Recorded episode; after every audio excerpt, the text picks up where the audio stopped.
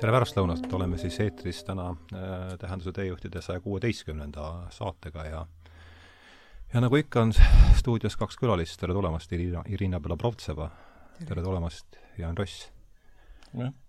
et äh, Jaan on siis teist korda äh, saates ja vaatasime järele. Esimest korda küll üle saja korra tagasi, number kolmteist, kahe tuhande kaheksateistkümnenda aasta sellisel hiliskevadisel või varasuvisel hommikul rääkisime Kuku raadio tookordses Veereni stuudios äh, Bachi hästi tempereeritud äh, klaviirist või klaverist. mõlemad versioonid käisid sealt saatest läbi, nii palju on mul meeles. ja, ja Jaan kirjutas Tähenduse teejuhtide kuuendasse numbrisse loo äh, siis, mis oli pühendatud hullumeelsusele meile ajale ja kui me pärast pärast on olnud tavaks autorit tänada kaastöö eest, et siis selle tänukõne käigus tekkis mõte kutsuda Jaan uuesti saatesse ja, ja kui ma ta käest küsisin, et mis see, mis võiks olla te see teema, millest Jaan tahaks ise rääkida, siis ta pakkus välja Anna Karenina. ja, ja pakkus välja ja mina olin sellega kohe rõõmuga, rõõmuga nõus. Mm, ja, ja kui me siis arutasime selle üle, järgmisena, kes võiks olla meie nagu äh, siis kolmas vestlus või te, teine külaline, kolmas vestluskaaslane, siis pakkus Jaan välja Irina, et et teeme siis niimoodi, et öelge palun kõigepealt enda kohta paar sõna enesetutvustuseks ja siis äh, järgmine küsimus on kohe, hakka, hakkame Riinast tutvustusringiga pihta, nii et Jaan, ütle siis palun oma kohta paar, paar sõna, kui Riina lõpetad ja mine kohe selle küsimusega edasi, et miks Karenina, miks sa selle välja pakkusid mm? -hmm. mina olen Tallinna Ülikooli emeriitprofessor äh, noh, minu ala on vene kirjandus ja mitte Tolstoi, vaid kahekümnendas ja kahekümnenda, kahekümne esimese sajandi vene kirjandus. ja mm, ei tea isegi, mida veel rääkida. võib, võib-olla sellest piisab. alustad äkki? minu peamine elukutse on olla muusikateadlane. ma olen seda eriala õppinud keskkoolis ja äh, konservatooriumis, Tallinna Riiklikus Konservatooriumis praegune Muusika- ja Teatriakadeemia. Äh, ja siis mul on olemas ka teine teaduslik kraad ja see on eksperimentaalpsühholoogiast, mis on Turus asuvas mm, Rootsi, Rootsi ülikoolis kaitstud mm,. ja äh, ma olen töötanud õppejõuna nii Tartu Ülikoolis kui ka praegu töötan Eesti Muusika- ja Teatriakadeemias ja esimesest maist äh, on mul kavatsus emeriteeruda Eesti Muusika- ja Teatriakadeemiast ehk siis lihtsalt eesti keeles öeldes minna pensionile. nüüd et siis äh, Ardo küsis, et kust see teema tekkis. see teema tekkis tegelikult sellest, et ma äh, lehitsesin või lugesin Jaan Krossi kirjavahetust, mis hõlmab neid aastaid, kui Kross oli Siberis, alguses laagris ja pärast asumisel.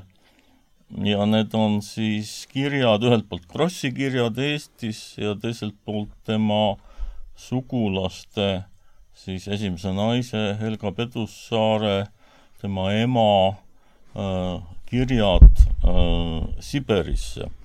ja Jaan Krossi poeg Erik, Erik-Niiles Kross on teinud tohutu suure töö, et need kirjad kokku koguda ja nii-öelda õigesse järjekorda äh, panna, nii et, et see raamat, see on tõeliselt paks raamat, umbes tuhat lehekülge see raamat annab meile väga palju, meile, nendele, kes me tahame mõista seda, äh, seda ajastut, äh, seda, mida Kross tegelikult pidi Siberis läbi elama ja ja kuidas ta üldse omadega seal, seal hakkama sai, aga samamoodi ka, kuidas tema sugulased, kuidas tema perekond Eestis sel ajal hakkama sai aga siis äh, Anna Kareninaga on seal seotud niisugune asi, et mm, Helga Pedussaar, siis nagu ma ütlesin juba, Jaan Krossi esimene naine, saadab Krossile Siberisse eesti keeles ilmunud Anna Karenina tõlke. ja Kross ei ole seda varem lugenud. ja mm, siis nad hakkavad Helga Pedussaarega kirjades arutama äh, Anna Karenina kunstilisi väärtusi. ja mind rabas seal, sealjuures see, et et Krossil olid ju kõik põhjused selleks, et suhtuda Nõukogude võimu või siis ka, siiski me peame ütlema, Vene võimu mm,, kriitiliselt on nüüd natukene nõrk sõna, aga võib-olla tülgastusega oleks natuke liiga kõva sõna. ühesõnaga, teda oli represseeritud, nii et vähe ei ole ja sellele vaatamata äh, Kross loeb Siberis mitte ainult Tolstoid, ta loeb seal ka Puškinit, ta loeb seal ka Nekrassovit ja ta suhtub Vene kirjanduse ilmingutesse täiesti apoliitiliselt. tähendab, sellel ei Puškinil, ei Tolstoil, ei Nekrasovil ei ole mitte midagi ühist sellega, mida tema kallal on äh, toime pannud Nõukogude äh, võim. ja äh, tähendab, see ei ole muuseas äh, mingi Krossi eripära, kui me mõtleme näiteks ka Betty Alverile, eks ole, kes elas Tartus pargisauna kõrval ja tõlkis äh, äh Puškini Jevgeni Oneginit ja, ja tõlkis ka teisi luuletajaid, ma praegu ei julge äh, Äh, peast öelda, keda just, ma millegipärast arvan, et Ahmatova. jah, ma arvan, et ta tõlkis Ahmatova. Kuigi Ahmatovat tõlkis, tõlkis ju ka Under, aga mhm. noh, see erinevatest maadest. jah. Äh, ühesõnaga, minu jaoks on oluline see, et kultuur, mingi ühiskond, mingi riigi kult-, mingi rahvuse kultuur ja see poliitiline süsteem, mida see rahvus teostab, et need on võimalik äh, üsnagi lahus hoida teineteisest. ja see on see, mida me tänapäeva Eesti ühiskonnas tihti ei, ei näe mm,. et võtame kas või näiteks selle äh, Vene äh, Covidi vaktsiini küsimuses Sputnik viis V, et äh, ühelt poolt me teame, et Euroopa Liidu liikmesriikide hulgas on selliseid maid nagu Ungari, kes ajavad Venemaaga lihtsalt äri selleks, et seda vaktsiini saada. Ja olukorras, kus Euroopa Liidu suunal kõik lepingud lähevad lõhki ja, ja seda vaktsiini ei tule, et see on ju väga pragmaatiline samm. Ja siis on meil terve rida kodukootud Eesti poliitikuid, kes räägivad, kuidas selline tegevus on lubamatu ja kuidas äh,, kuidas see vaktsiinitarnete küsimus on poli-, politi-, politiseeritud. Äh, nemad ütlevad eeskätt just Venemaa poolt, meie poolt muidugi mitte, oh ei. mis ei ole praegu politiseeritud jah, et äh, muuseas, ka Eesti arstid, mõned julged arstid on äh, protestinud selle vastu, et seda Covid vaktsiini küsimust politiseerida. et äh, niisugused eri, erinevad ajastud, siis neljakümnendad aastad äh, ja, ja praegu. ja mina isiklikult muidugi, mulle ei meeldi politiseerimine. Mm, ma arvan, et on selliseid äh, valdkondi ühiskonnas, kus, kus elu võiks käia ka niimoodi, et seda ei riputata äh, poliitilise kella külge mm. -hmm. siin me oleme ühes paadis sinuga küll. Irina, kuidas teie jõudsite Anna Kareninani? esimest korda, millal? no loomulikult Nõukogude koolis mm. -hmm. see ei olnud kohustuslik, sest kohustuslik oli see Sõda ja rahu mm -hmm. muidugi. ja siis Nõukogude ajal oli kombeks kohe öelda, et Sõda ja rahu on romaan, kus on rahvuslik mõte ja Anna Karenina perekondlik mõte. -hmm. see ei vasta muidugi tõele, sest -hmm. Sõda ja rahu on ühtaegu perekondlik romaan ja Anna Kareninas on üsna palju ühiskondlikke asju, aga ikkagi oli kombeks vot niimoodi tembeldada Anna Karenina nagu sellise kitsama sorti romaani aga meie lugesime, no tüdrukud üldse lugesid Sõda ja rahu nagu, nagu sõda seal poleks olnudki. Ainult vot selline perekondlik romaan, Lembe romaan ja nii edasi. Ja siis see oligi paralleel Anna Kareninaga aga kuna lõpp on väga erinev peategelastel Anna Kareninal ja Natasha Rostoval, siis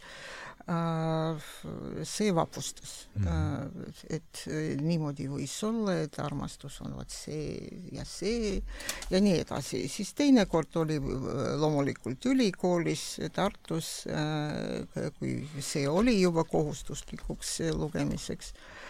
Ja selle, see lektüür juba oli täiesti erinev ja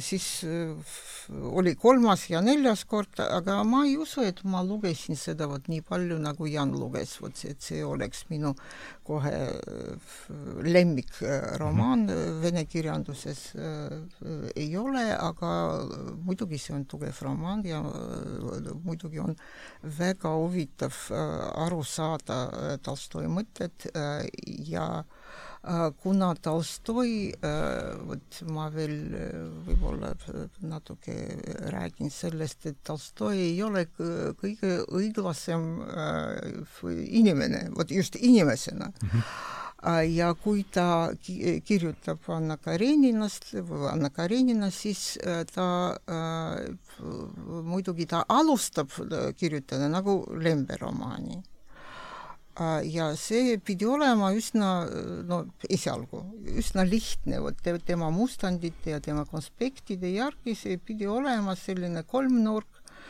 Karenin, Anna Karenina, siis ei olnud see armuke ei olnud Vronski, vaid tema nimi oli Gadin.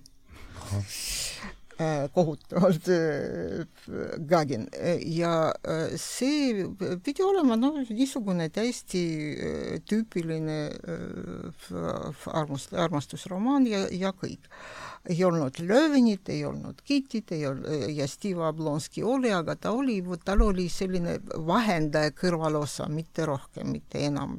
ta, ta, ta ei ilmunud väga tihti seal ja nii edasi ja äkki Tolstoi äh, ise ei ole rahul sellega, et ta kirjutab vot sellised armuromaani ja äh, vot siiamaani äh, no uurijad, vot kirjandusteadlased püüdsid igast jõust jõuda selleni, miks ja kuidas see äkki ta muutus meelt ja hakkas kirjutama midagi hoopis suuremat, suurejoonilisemat ja keegi ei, ei saa lihtsalt tema päevikute, tema kirjade järgi olid palju inimesed, kes kirjutasid üles tema lihtsalt kõned, jutud, kuskil midagi ei ole, miks see sündis keegi ei saa täpselt öelda, aga ta tõepoolest kirjutab teist romaani. ja vot mind huvitas see, et kuidas ta allub oma mõtetele ja oma põhimõtetele, sest ta ei ole paindlik inimene mm, -hmm. üldse ei ole. ja tema põhimõtted, no meie tänases arusaamises, nad on õudsed äh, vot äh, naise rolli kohta. Lihtsalt õudne. Võib-olla me jõuame sinna kaugele veel. Äh, kuidas ta seda teeb, miks ta niimoodi mõtleb ja kuidas ta mõtleb ja kuidas ta Äh, viib ennast romaani sisse, vot Lõvini äh, kujuga.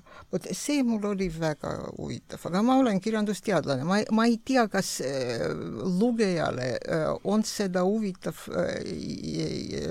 jälgida, just seda, et kuidas seda tehakse, et sest vot vene formalistide kahekümnendatel aastatel, vot eelmisel aasta, eelmise sajandi kahekümnendatel aastatel, nemad kogu aeg kirjutasid niimoodi kuidas on tehtud Gogoli sinel, vot on tehtud, kuidas on tehtud mm. -hmm vot mind ka väga huvitab, kuidas see on tehtud mm, -hmm. sest Tolstoi äh, nii osav äh, kirjanik, et seda ei ole näha, kuidas ta mm -hmm. seda teeb mm, -hmm. aga see on tehtud. hästi, et noh, luua siin ka sild eelnevate saadetega et Tolstoilest, Tolstoist on meil tegelikult üks saade olnud, see on number kaheksakümmend kuus, kus olid mm -hmm. siis Rainis Toomemaa ja Aarne Hiob, kandis pealkirja Kääriv kämp ja ja seal me rääkisime, pihtimused olid selleks mm -hmm. nurgakiviks, et ja. ma loen siit lihtsalt, et kusagilt me peame ju alustama. ma loen siit minu arust lõigu, mis haakub hästi, mis haak-, haakub minu meelest ma kaotan nüüd selle jupi ära, sellist asja tõin ta välja. vaatan, kui ma leian ta kiiresti, aa, siin on ikka siinsamas, jah. et äh, siis lõiguke, et võib-olla hakkame siis siit, see on, tuleb siit küll üsna lõpust, aga, aga võib-olla on see ka lihtsalt koht, kus me saame äh, alguse. kogu selle kevade tundus ta iseendale võõrana ja elas läbi õudseid minuteid. teadmata, kes ma olen ja milleks ma elan, on võimatu elada. aga seda ma teada ei saa järelikult ei saa elada, ütles ta endale, Levin siis või Jovin. lõpmatus ajas, mateeria lõpmatuses, lõpmatus ruumis eraldab üks rakuke organism. see rakuke eksisteerib veidi aega ning lõhkeb. ja see rakuke olen mina. see on peaaegu sõna-sõnalt minu meelest Pihtimustest oli mm -hmm. samasugune lõik. see on piinav vale, aga see oli inimmõistuse sajandite pikkuse selles suunas tehtud töö ainus ja viimane resultaat see oli see viimane usk, millele rajati kõik inimvaimu uurimused peaaegu kõikidel aladel. see oli valitsev põhimõte ja Levin oli tahtmatult omandanud, isegi, ja Levin oli tahtmatult omandanud, isegi teadmata kunas ja kuidas, just selle vaate, mis oli kõigist teistest seletustest kõige selgem. kuid see oli rohkem kui vale, see oli mingi kurja võimu armutu pilge, sellele kurjale vastikule võimule ei tohtinud alistada. sellest võimust oli vaja vabaneda. ning vabanemine oli igaühe enese teha oli vaja lõpetada see sõltuvus kurjast ja selleks oli ainult üks abinõu, surm. ning Levin, õnnelik perekonnaisa, terve inimene, oli mitu korda nii lähedal enesetapmisele, et ta peitis köie ära, et ennast mitte pooma hakata ja kartis püssiga käia, et ennast mitte maha lasta. kuid ta ei lasknud ennast maha ega poonud ennast üles, ega poonud ennast üles, vaid elas edasi. -hmm. et hüppame sellest lõigust siis ja. sisse, et kus, kuidas kõlab teiega kaasa? kas ma tohin ikka vaielda vastu siis, siis selle Levini vastu? ja, ja muidugi, see on lihtsalt äh, see, see on lihtsalt sissejuhatuseks. see meie Jaaniga tuli ka äh, mitte Levin, vaid Lövin. aa, ah, selles mõttes? selles, ainult selles. see ei ole formaalsus. aga räägime sellest. jaa, see ei ole formaalsus, asi on selles, et äh, nimi Levin see on juudi suguvõsa nimi mm. -hmm. niimoodi laias laastus. Levin, Levitin, Levinas, vot see prantsuse mhm. filosoof mm, -hmm. vot see, vot see tüvi Levin, see on juudi oma. see ei või olla Tolstoil mm. -hmm. Tolstoi mõisnik ei saa olla juut Mm -hmm. ta on Lovin se sellepärast, et see on tehtud äh, Tolstoi äh, lühinimest äh, Lova. Aha. Lev Lova Lövin mm. -hmm. ja äh, selles mõttes äh, vot äh, no see on väga levinud selline asi, et on kaks vot sellist suguvõsa, mis juutidel, mis on väga lähedased selle püha kojaga. koenid, see tähendab koen, koogan, kaagan ja jälle nii edasi mm. -hmm. Need on, olid vaimulikud mm. -hmm. ja äh, need levinid või leviitid, need olid abi, vaimulike just, abid. Leviit, Levitikum on ju neljas vot ja vot see, see oli, oli noh, nii sajandeid vot oli see niimoodi ja Tolstoi loomulikult selle teadis ja ta lihtsalt ei saanud äh, panna Levinit sinna. Just sellepärast selge, no meil tõenäoliselt läheb ta siin ikkagi, me oleme, on ta juba nii sisse harjunud, et jaa, aga sest, see on äh, no seda võib huvitav osundus. sellest võib aru saada, sest äh, venekeelne tekst, see, seal tekstis see on Levin, eks ole, sest ja. keegi ei pannud seda kaks täppi see Just. E kohal, aga äh, täpid peavad olema mm. -hmm vot siiamaani äh, Venemaal kõik, kõik tülitsevad nende täppide pärast ja, sest on üsna palju inimesi ja teadlasi, kes tahavad, et need täpid oleksid ju äh, tagastatud, sest äh, on üsna palju arusaamatusi just selle tõttu kas praegu Vene klaviatuuril on, arvutiklaviatuuril on äh, vaik-, vaikimisi see täppidega E peal või? Äh, seal on ju, vot see, täpid on, seal on klahv, kuhu, kuhu me võime klikkida peale, siis saada seda mhm. täppidega E. Mm -hmm. nii, aga see oli nüüd asja formaalne pool, võtame Jaan, hakka sa sisust siis, sisust pihta, see on, aitäh selle tähendab, ma tegelikult tahaks äh, Äh, tulla tagasi natukene selle jutu juurde, mis Irja, Irina rääkis äh, Sõja ja rahu ja Anna Karenina erinevusest. et see kahe suure romaani erinevus on tegelikult, äh, ma ütleksin, rabav mm. -hmm. tähendab, kõigepealt märkusena sõda ja rahu oli meil keskkoolis kohustuslik kirjandus, kas üheksandas või, või kümnendas klassis mm. -hmm. ja tõesti eeldada, et üheksanda või kümnenda klassi laps suudab seda romaani lugeda nii, et ta sellest ka midagi taipaks, see on meie haridustegelaste poolt olnud küll ülim naiivsus. või mõnitamine. või mõnitamine, jah ja ma ütleksin niimoodi, tähendab, ma lugesin muuseas ka Sõja ja rahu suhteliselt hiljuti Kaanest Kaaneni äh, läbi ja kogu see sõjatehniline info, mida ühelt poolt on tarvis vallata selleks, et, et aru saada, mis seal toimub ja teiselt poolt, et lugeda, et omandada seda, mis on kirjutatud, see ei ole mulle ka praegu jõukohane. ma peaksin minema sõjakooli selle läbi käima ja siis ma võib-olla hakkaksin aru saama, mis seal raamatus on tõesti kirjas. noh, loomulikult, Irina ütles ka, seal on ka, kuidas öelda, tsiviilelu kihid ja äh, noh, tegelikult isegi mingisugused äh, emotsionaalselt väga äh, mõjuvad stseenid, näiteks kus vana äh, vürst saadab Andreid sõjaväkke, Andrei on ära sõitnud, vürst tuleb välja, lööb uksepaugu kinni, ütleb, ütleb, sõitis ära, no hea kah mm. -hmm. et äh, see on psühholoogiliselt väga peen koht ja tähendab kogu see, kogu see, mis see koht on, mis see nende mõis on? Irina aitab mind. kelle? Bolkonski.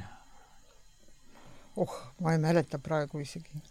no mis iganes, jah.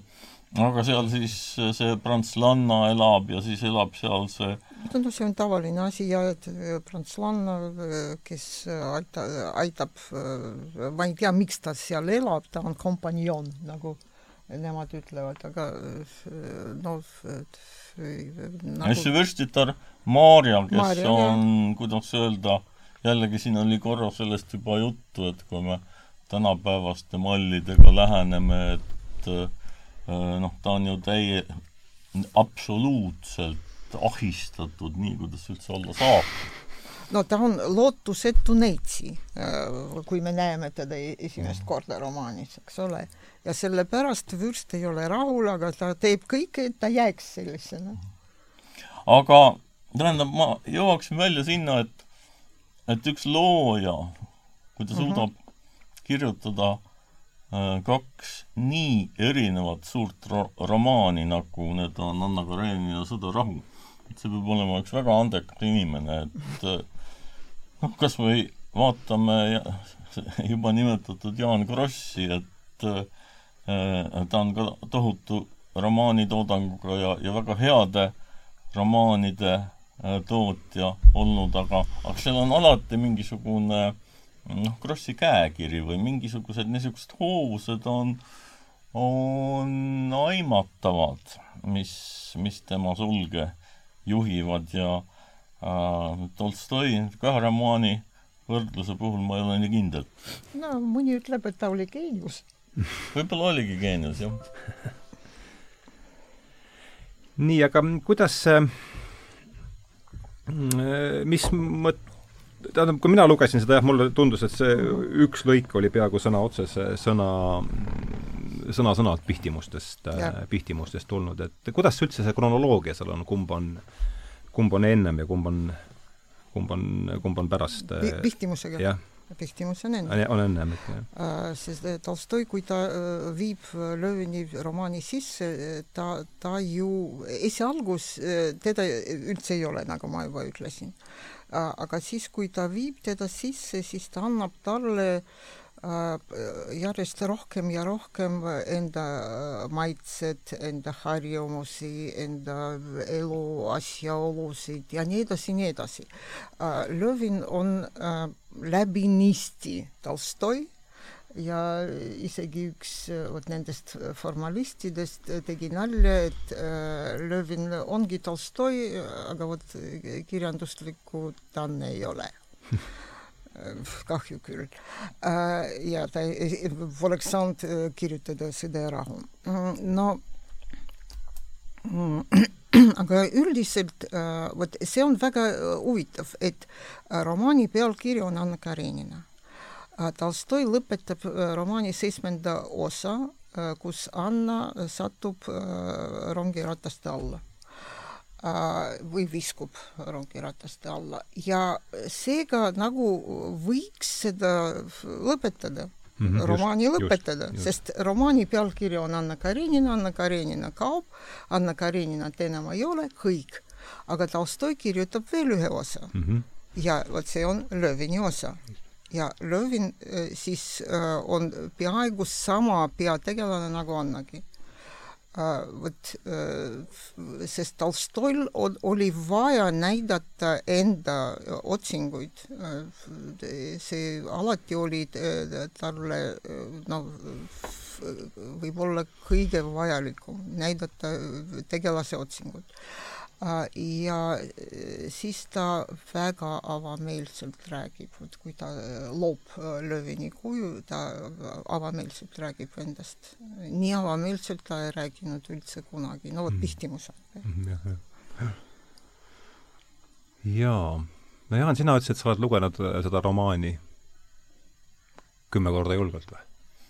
jah, ma arvan küll, et kümme korda julgelt ja ma tegelikult, kui Äh, sõna on minu käes, et ma tahaksin rääkida sellest, et siin tekstis on tegelikult üsna palju sellist materjali, äh, mida ei ole mingit põhjust äh, rakendada mingite suurte maailmavaateliste või filosoof, filosoofiliste konstruktsioonide külge, aga mis on huvitavad psühholoogiliselt, mis äh, aitavad meid paremini äh, aru saada, kuidas elu tegelikult äh, äh, toimib. ja kui sa, Hardo, lubad, ma loeksin ette, siin on tegelikult kaks kohta, mis ma tahaksin ette lugeda, nad on mõlemad koos lugedes liialt pikalt, nii et kõigepealt ma laen, loen ette esimese ja siis vaatan, mis sa, saab edasi. et see on siis see koht, kus Anna on saabunud Itaaliast tagasi äh, Peterburi. Itaalias on ta siis Vranskiga koos olnud ja ta tahab näha oma poega, kes elab Karenini ka,, Karenini juures mm. -hmm. Ja, ja päeval on sünnipäev ja ta on öö, otsustanud, et ta läheb sünnipäeva hommikul öö, oma poega vaatama, saagu siis mis saab. ja nüüd siis algab tsitaat järgmisel hommikul kell kaheksa tuli Anna oma endise maja peaukse ees voorimehe tõllast maha ja kõlistas. Mine vaata, mis seal tahetakse. üks daam, ütles kapitonotš palitu seljas ja kalossid jalas, sest ta polnud veel riides ning vaatas aknast looriga daami, kes seisis ukse ees. Šveitsari abiline Annale tundmatu noormees jõudis vaevalt ukse avada, kui Anna juba sisse astus mm,, võttis muhvist kolmeruplase paberraha ja pistis selle kiiresti teenrile pikku, pihku. Serjoža, Sergei, Sergei Aleksejitš pomises ta ja tahtis edasi minna. heitnud pilgu raha, rahapaberile, peatas Šveitseri abiline Anna teise klaasukse juures. keda te soovite? küsis ta. Anna ei kuulnud ta küsimust ega vastanud midagi. Märganud tundmatu peataolekut, läks kapitonotš ise talle vastu, laskis ta uksest sisse ja küsis, mida ta soovib.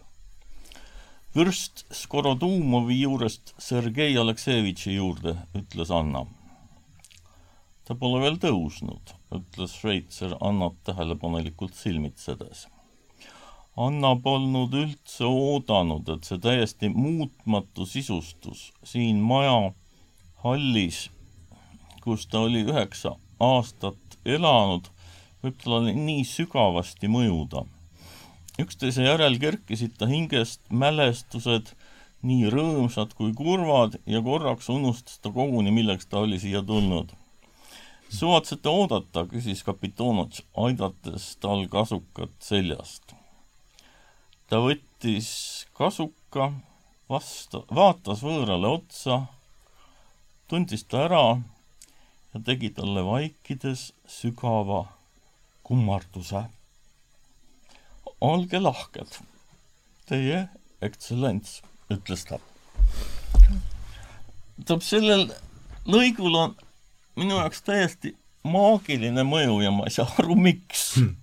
seda, ma arvan, et tõlkel on siin oma osa, tähendab, tõlkest peab muuseas eraldi rääkima. peab hmm. rääkima sellest, et see on Lembe Hiideli tõlge, Lembe Hiidel ise kirjutab, et see on tema äh, redigeeritud Ma-, Marta Silla otsatõlge, aga kui need kaht teksti võrrelda, siis Lembe Hiideli roll on olnud nii suur, et äh, iga, igatahes tuleb teda nimetada äh, tõlkijaks ja ma olen, ma olen püüdnud, me oleme Irinaga natukene rääkinud sellest, ma olen äh, püüdnud aru saada, et kas see omamoodi musikaalsus, mis selles tekstis avaldub, et kas see kuidagi ka vene originaali lugejale on hoomatav ja mul on jäänud mulje, et tegelikult vist ei ole, aga aga see on, noh, mingis mõttes see on, see on mingisugune keemia, mis, mis tekib lihtsalt, lihtsalt see, see, see koht läheb mulle väga palju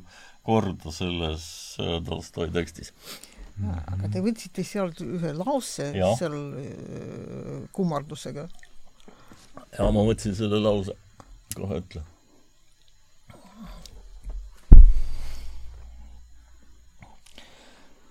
tegi talle vaikides sügava kummarduse ja selle venekeelne originaal on äh, Отвесил низкий поклон mm. -mm. kuidas? Молча низко Poklonilsa äh, jäi?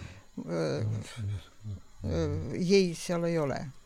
Moltšeniska poklonilsa, muidu ma poleks öelnud seda, mida ma ütlesin, et siin on kohe äh, mingi luulerütm mm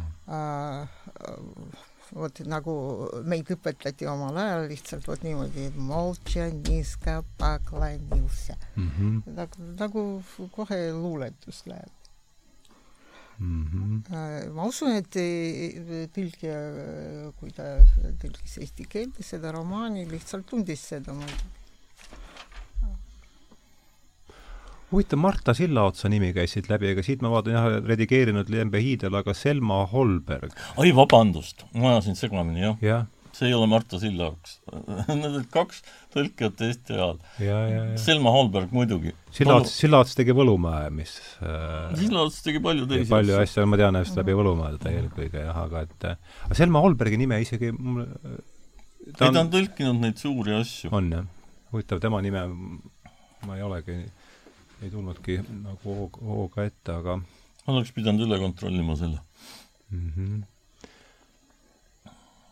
Jaa, nii, kust me siis, me praegu jäime siis, ähm, me rääkisime tõlkest, aga kuidas Te, te lugesite kindlasti vene keeles, eks? Äh, kõik, kõik, kõik muidugi, kõik, kõik korrad, et kuidas ta mm, -hmm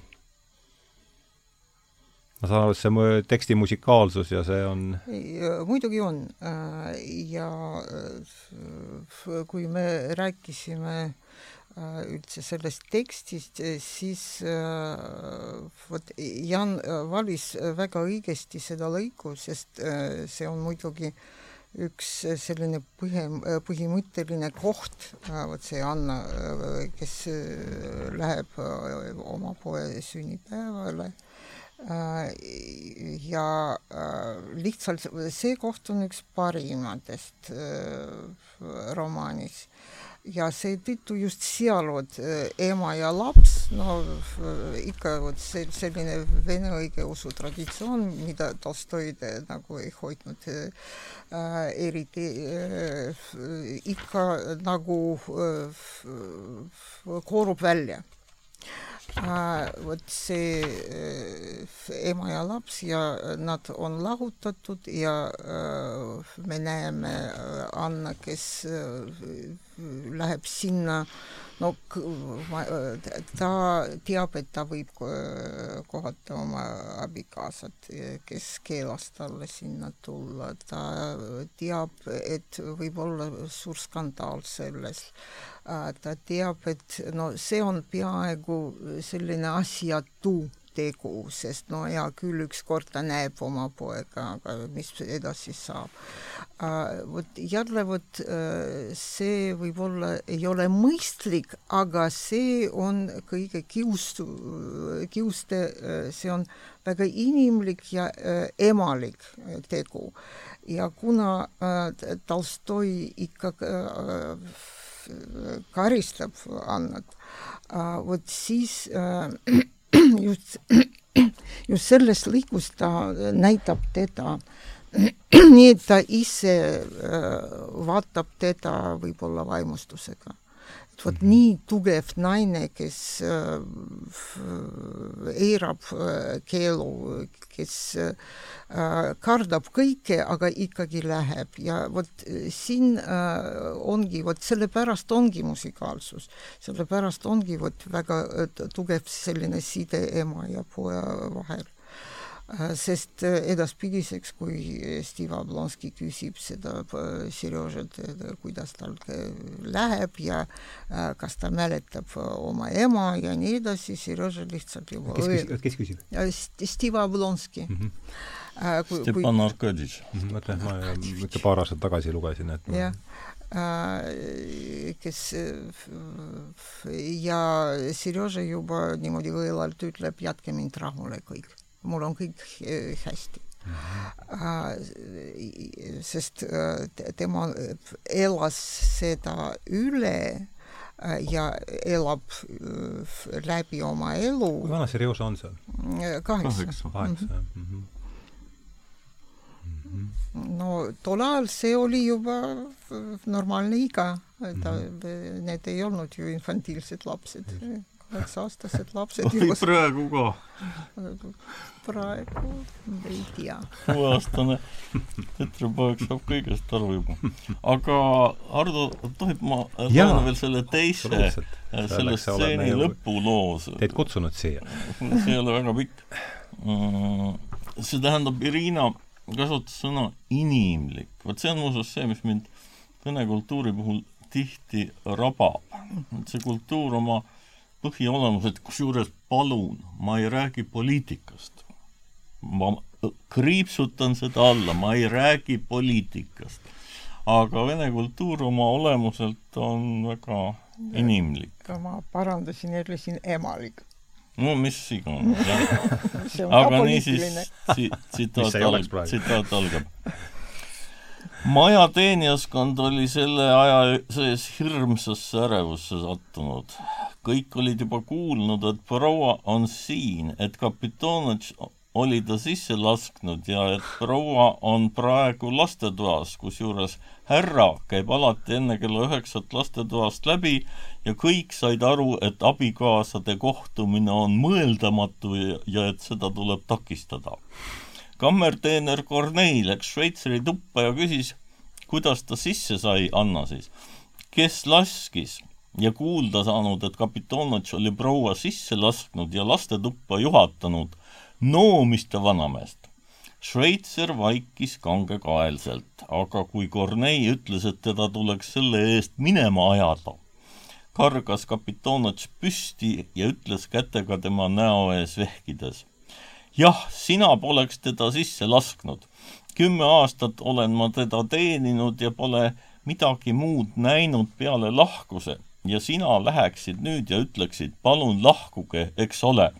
sa ajad peenikest poliitikat ja jah, sa võiksid parem sellele mõelda, kuidas sa härrat koorid ja ta pesukaru nahust, nahast kasukaid kannad soldat, ütles Kornei põld, põlglikult ja pöördus sisseastuva hoidja poole. noh, otsustage ise, Marja Jefimovna.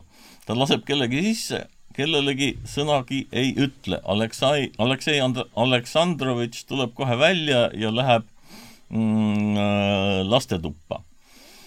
küll on lugu, ütles hoidja. Teie, Kornei Vassiljevitš, katsuge kuidagi härrat kinni pidada, mina lähen jooksen proua juurde, ehk saan ta välja viidud küll on lugu. proua kullake, ütles hoidja Anna juurde tulles ning tema käsi ja õlgu suudeldes. näete, taevataat saatis meie sünnipäevalapsele rõõmu. Teie pole ka raasugi muutunud. ah, hoidja kallis, ma ei teadnudki, et teie majas olete, ütles Anna korra, kor-, korraks toibudes nii et äh, mesilastaru on kihama löönud seal, ma saan jah, aga need inimlikud suhted, tähendab, kus äh, sotsiaalsed piirid nagu ei lähe üldse korda, aetakse mingit üht asja mm, -hmm. sõltumata sellest, kes on aadlik mm -hmm. ja mhm. kes on voorimees mm. -hmm. Mm -hmm kuidas see stseen üldse lõpeb seal, et ma jällegi ma... Nad ikka kohtuvad. lõpuks, no, no Kareninid aga ei suhtle. ja on see viimane kord, kui ta seda Serjožat näeb või mm.? ei, vist ei ole. nojah. tähendab, kes näeb, Anna näeb? Anna, Anna näeb viimast korda. Anna, jah, Anna jaa, sest, sest kõnejutt ta palub Kareninit anda Serjožat talle, aga ta ei, ei saa seda, seda, teda ja ei näe teda neil oli üks laps oli või? ma tõesti ei teine, teine laps tal oli Vronskiga, see oli tütar, keda ta ei armastanud, Anna ei armastanud. oota, kas see suri või? Äh, no romaani kestel mitte. mitte, okei okay.. Äh, Karenin võtab teda enda juurde. ahah äh, see on ka väga, väga huvitav küsimus, oli, ei küsimus oli ja. väga huvitav, sest äh, Äh, üldse on kolmkümmend Anna Karenina ekraniseeringut, äh, väga erinevad. Äh, ja viimane neist oli isegi mitte otse romaani ekraniseering, vaid vene lavastaja Karen Šahnazarov äh, tegi sellise Anna Karenina punkt, Vronski lugu. Vot niimoodi, vot see on mis film, aastal umbes? kaheksateistkümnes mm. -hmm ja siis vot seal, see miks ma ütlen, et see on huvitav, vot seal see Karini, Anna ja Vronski tütar sureb ära seal on fantastiline selline lugu, mis üldse on väga kaugel Tolstoi romaanist, kus tegevus millegipärast, me ju teame, et Vronski enam-vähem läks Serbiasse sõdima, aga Tolstoi romaanis. Yeah pärast Anna surma, aga Šahnazarov teeb siin, paneb sinna Venemaa ja Jaapani sõda, vot see. üheksakümmend viis. jah jah, Vronski on juba peaaegu vana inimene ja siis ta äh, on haavatud ja ta satub äh, lasaretti ja seal lasareti peaarst on seesama Serjoža. oh soo, sihuke pööre. jaa ja siis nad, see Serjoža tunneb Vronskit nime järgi ja siis ta küsib, et mis see oli, kuidas kõik see oli ja Vronski alustab vot seda, selle loo jutustamist. see on nagu raamjutustus siis Vene-Jaapani? jaa mm, -hmm. väga selline väga imelik ja Vronski näiteks räägib sellistest sellistest asjadest, mida ta pole näinud, vot näiteks vot kuidas Anna tuleb siis Serjoža sünnipäeva teda vaatama. Vronskit seal ei olnud. Vronskit ei olnud, no üsna paljudes stseenides Vronskit ei ole mm, -hmm. aga ta räägib mhm. sellest mm -hmm. ja jutustab sellest ja lõppude lõpuks kõik lõpeb ei millegagi. Vronski istub koos Hiina tüdrukuga, seal on väike Hiina tüdruk, kes müüb sellised äh, piibusid mm -hmm. ja Vronski ostab seda piibu ja nad kohtuvad vahete vahel aeg-ajalt ja siis Vronski näitab sellele tüdrukule piibu ja nad on niisugused suured sõbrad.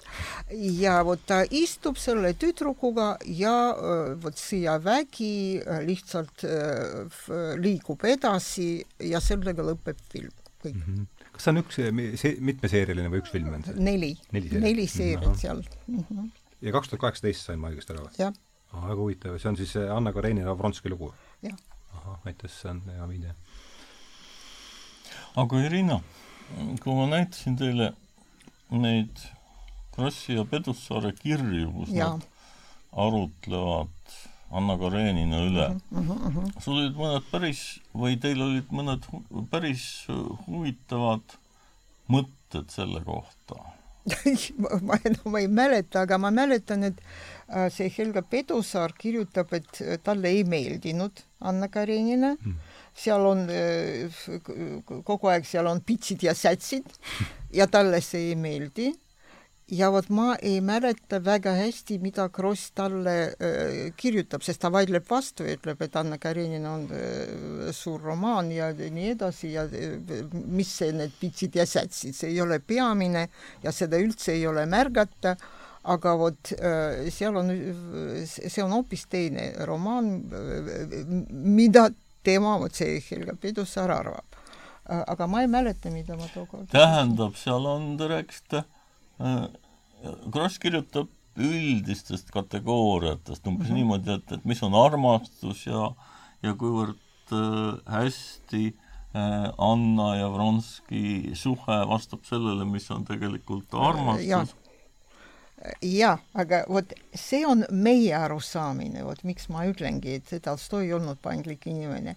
me tõepoolest saame aru, et see on suur armastus ja me teame, et armastus äh, ei ole see, see asi, mida saab seletada aga äh, Tolstoil äh, oli täiesti te, hoopis teine inimene ja vot kui me vaatame tema põhimõtted, mis olid tema, olid tema põhimõtted.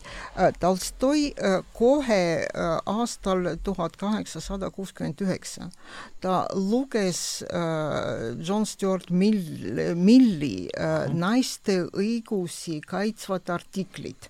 artikli pealkiri oli naiste allu-, alluvusest miks ta luges kohe, sest ühtaegu seda tõlgiti kaks korda vene keelde.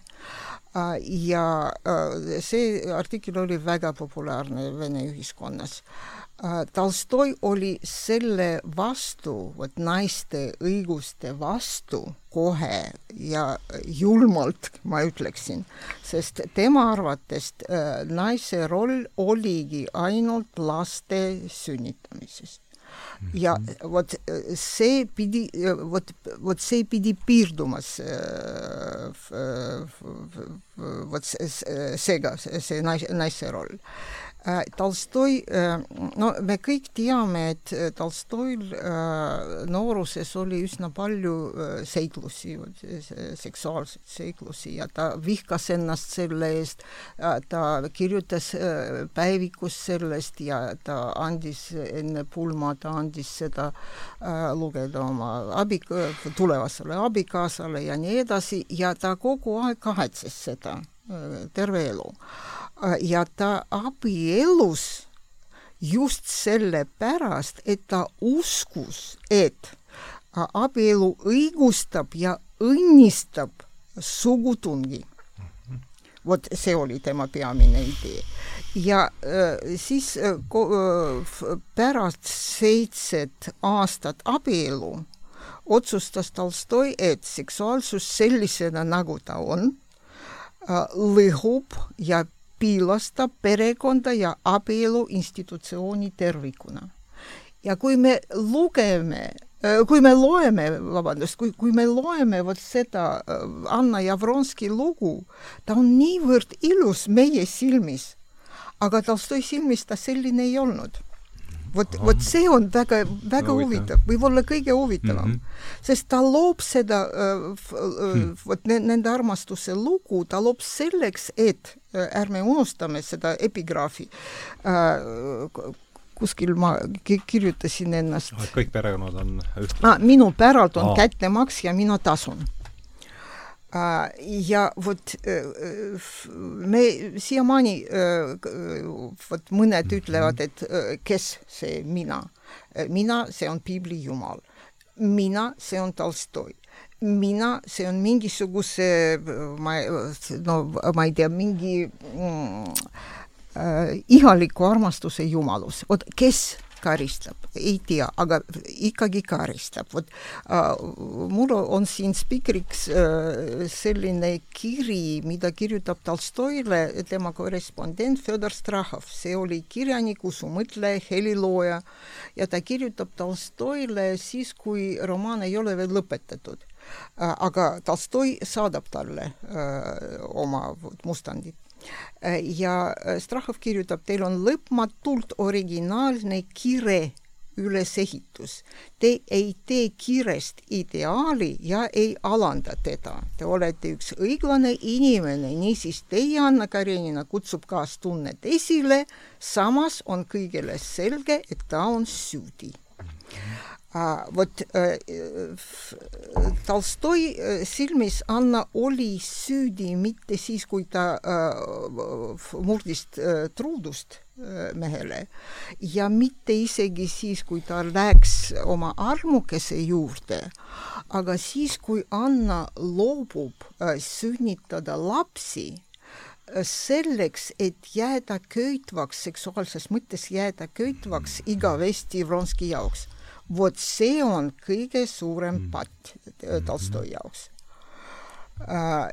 aga, aga vot meie, meie seda ei näe, vot, vot see on väga huvitav, me huvitav. näeme hoopis teist, nagu teist romaani ja huvitav on ka see, et äh, mida teeb Tolstoi, vot meie, meie oleme tänapäeval lugejad ja me loomulikult äh, enam äh, ei saa enam aru Äh, et Tolstoi, äh, Tolstoil on ajalooline hälve. ja ta rajab teadlikult, ta rajab süžee selle peal. ta liialdab ja väga suurel määral ta liialdab seda stigmat mille Anna käitumine vastavalt tolle aja normidele esile kutsus. kahtlemata vot sellised teod nagu Annal, no ta on ikkagi romaani tegelane, mitte, mitte reaalne naine. vot sellised teod muidugi oleks olnud skandaalsed ühiskonnas kuid neid ei saa nimetada unikaalseteks, sest isegi imperaator elas ja omas lapsi oma favoriidiga Jekaterina Dolgorukaja ja mm -hmm. õukonna ring, ringkondades seda teadsid mm -hmm. väga paljud inimesed. ja kui rääkida juba Tolstoi kohta, siis tema enda õde Maria, Maria Nikolaevna lahkus mehest ja sünnitas laps ühe rootslasega mm, -hmm. kes pärast äh, jättis teda ja siis Maria äh, lahkus äh, kloostrisse äh,. See oli Tolstoi õde? jah, Tolstoi mm -hmm. vihane õde kohe mm. -hmm. siis äh, Tolstoi äh, abikaasa Sofia vanem õde, vot selle Sofia vanem õde äh, elas mitu aastat vaba äh, abielus oma nõoga ja jälle äh, tema staatus ühiskonnas äh, no ei saanud äh, või, või lihtsalt no ei saanud kannatada niivõrd palju, nagu meile ajalugu ütleb ja aga Tolstoi teeb Annast nagu ühe ainsa sellise naise, kes murrab truudust, kes on õudne, keda tuleb karistada ja nii edasi. vot ta teadlikult seda teeb ju mm. -hmm. Jaan, tahad sa siin haakuda selle öelduga? ei, või võtta midagi muud mul on üks teine mõte tegelikult. Tolstoi oma jutustustes kirjutab sügava tülgastusega sellest, kuidas inimesi aetakse läbi kadalipu karistusena mm. -hmm. ja see tuli, tuletas mulle meelde Vilde Mahtra sõda ja vist Anja meestes on sa mõtled nüüd otseselt seda kadalipu protsessi, mitte, mitte seda metafori? see pärandvalli, eks ole, jah. jah. ja mul oli kunagi, ma suhtlesin ühe vene filoloogiga, kelle nimi on Nadežda Pustõgina, ta siiamaani elab mm. -hmm. ja Pustõgina rääkis mulle Tolstoi kohta sellise loo et Tolstoi mõisas üks talupoiss oli saanud mingi pahandusega hakkama. ja siis Tolstoi võttis selle poisi, pani pingi peale kõhuli ja peksis teda nii, et too enam ei liigutanud. Tolstoi ise? jah. Irina, kas te usute seda? ei. ei usu mm.. kindlasti ei usu, sest no vot jälle kuna vot mina olengi kirjandusteadlane, siis ma usun äh, kirjandust. ja kui Tolstoi loob Lövini kuju, siis ta näitab, kuidas Lövin suhtub nendesse talupoegadesse Äh, ja ta suhtub nendesse, äh, vot mis äh, viib teda üldse vot selle seisundi, mida te lugesite, sinnapoole.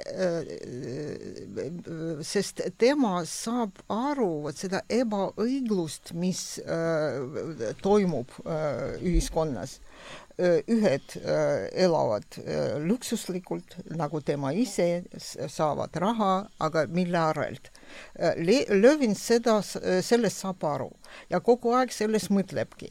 ja ta, vot kui Tolstoi näitab Lövinit, siis ta näitab iseennast.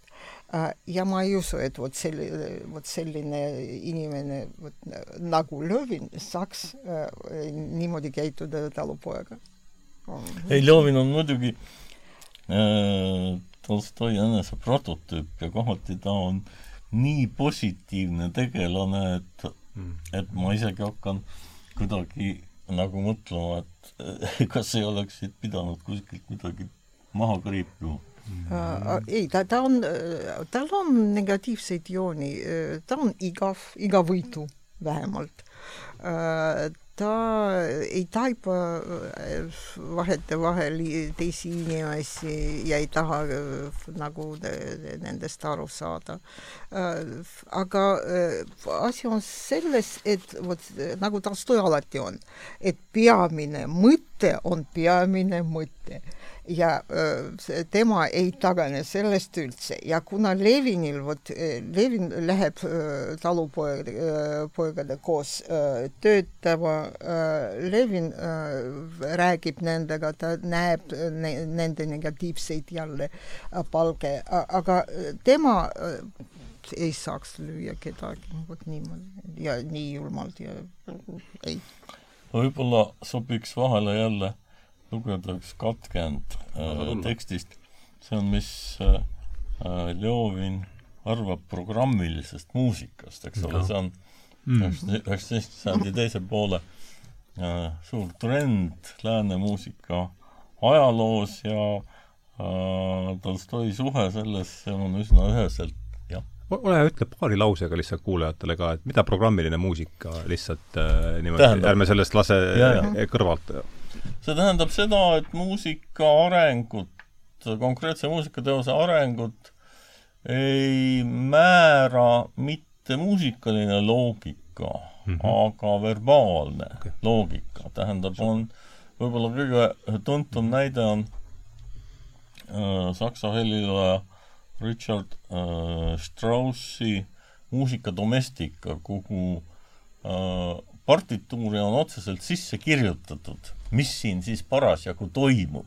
mitte muusikalistes terminites, aga mis toimub siis nii-öelda äh, reaalse elu äh, terminites või noh, Straussil üldse äh, need sümfoonilised poeemid, Don Juan Till Ulenspiegel, et need on niisugused kuidas öelda, isiku, isikulood. ja, ja noh, muidugi Wagnerit ei saa Just, unustada.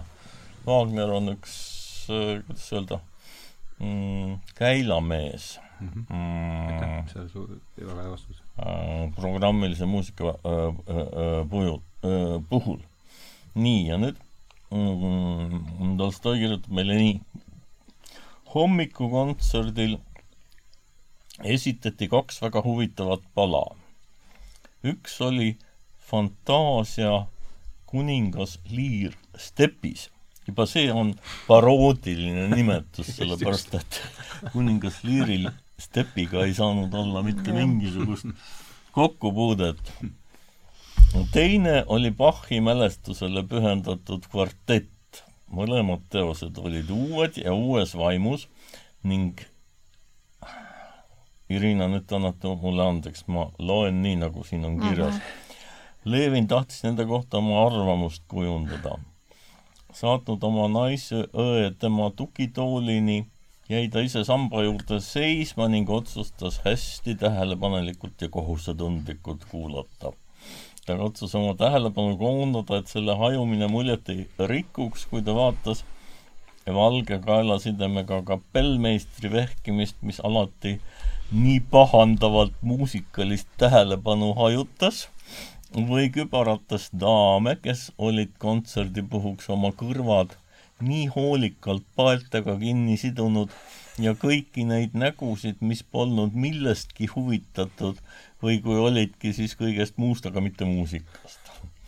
ta katsus hoiduda kohtumast muusikatundjate ja lobisejatega, seisis, vaatas enda ette maha ja, ja kuulas aga mida kauem ta kuningas Liiri fantaasiat kuulas, seda kaugemal paistis olevat võimalus selle kohta mingit kindlat arvamust kujundada. alatasa algas just nagu kogunes tunde muusikaline väljendus, kuid see purunes kohe muusikaliste väljenduste uute algete katkenditeks, vahel aga lihtsalt seostamatuteks, kuid äärmiselt keerukateks heliridadeks mida ainult kompos-, komponisti tuju oli kokku sidunud. no tähendab, me võime analüüsida seda kohta, eks ole, et muusikaline sisemine loogika hüljatakse mm -hmm. ja asjad pannakse kuidagi nagu ritta mingi teise asja järgi mm, -hmm. see on siis see programm, programm, just mm,. mm kuid isegi nende muusikaliste väljenduste katkendid, vahel ilusadki, mõjusid vastumeelselt, sest nad esinesid täiesti ootamatult ja polnud millegagi ette valmistatud.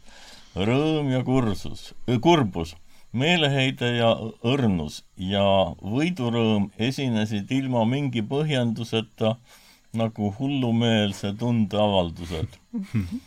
ja just nagu hullumeelselgi kadusid need tunded ootamatult. Levinil oli kogu ettekande ajal selline tunne nagu kurdil, kes vaatab tantsijaid.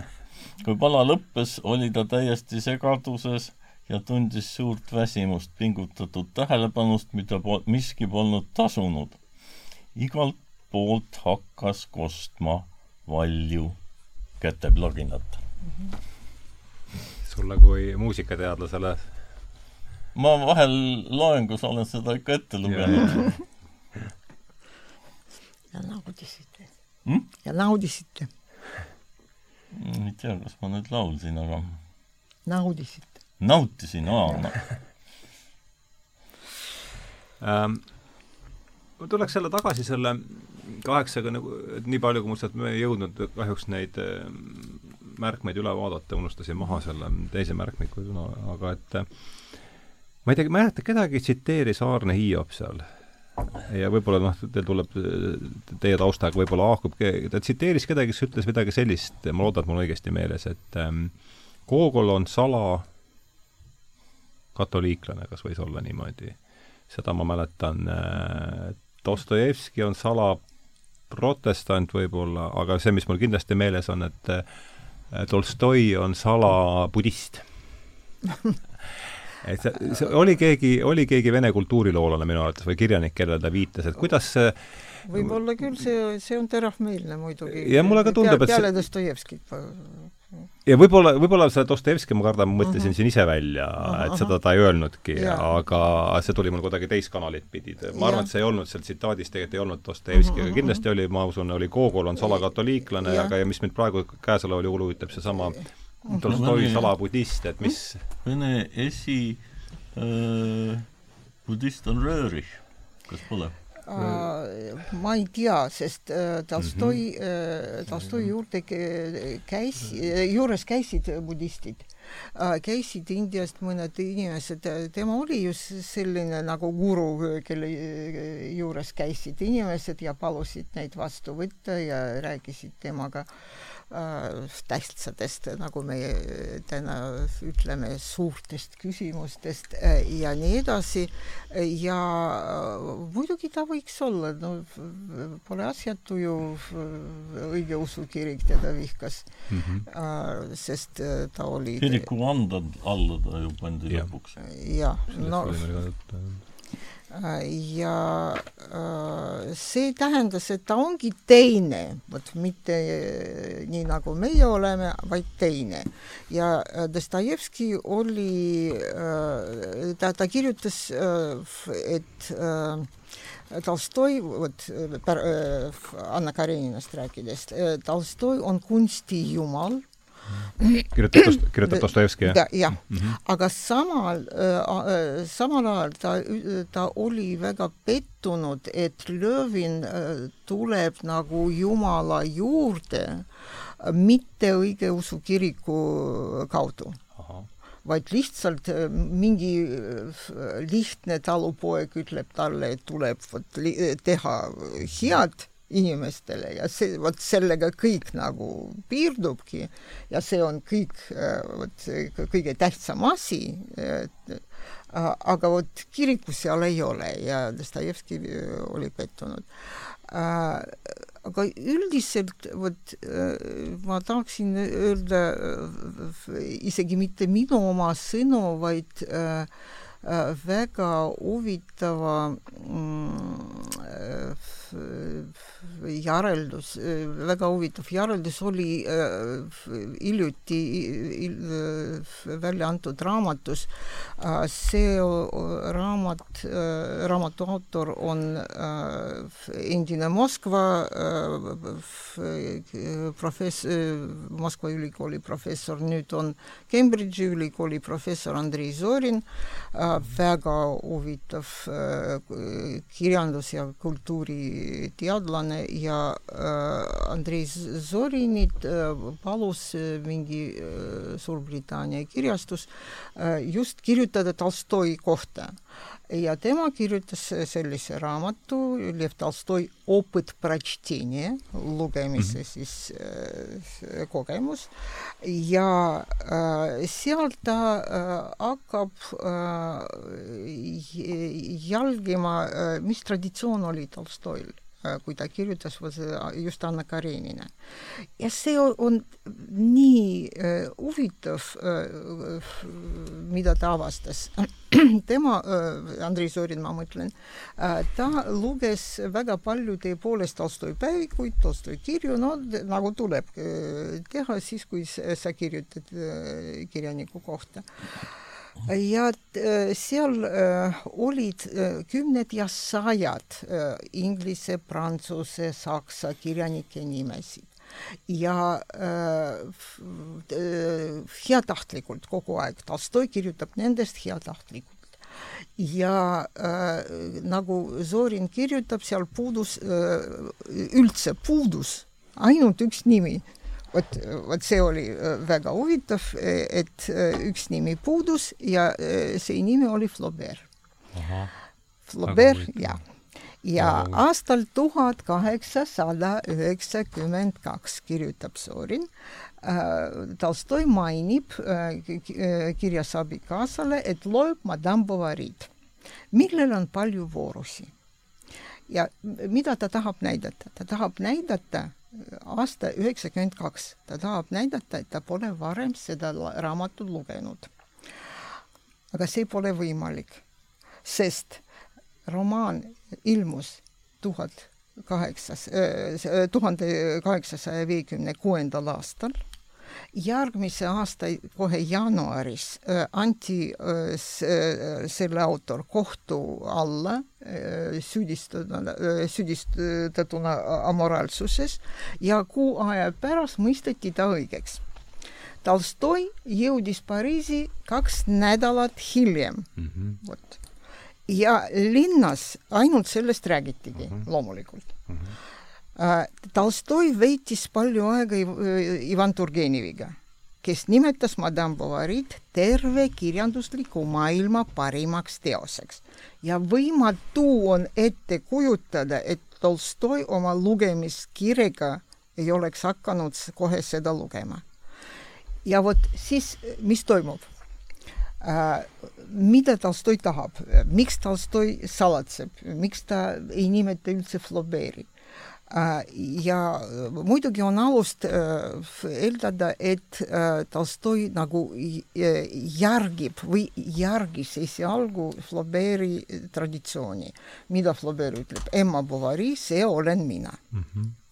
ja Tolstoi kirjutab romaani Anna Karenina ja teeb vastupidist sammu, ta ei ole Anna Karenina, tema mm -hmm. on Konstantin Lövin mm. -hmm. ja vot siis ta ületab seda äh, prantsuse võib-olla kõige kuulsama äh, armastusromaani traditsiooni ja teeb äh, või loob oma romaani, eh, mida kunagi varem ei ole olnud ja eh, mida, eh, kui meie, vot me rääkisime juba Turgenevi arvamusest ja Dostojevski arvamusest, on veel üks väga huvitav arvamus, Faulkner. see on juba meie ajastu, Faulkner ütles, et Anna Karenina on parim romaan, mis on kunagi kirjutatud. nõus.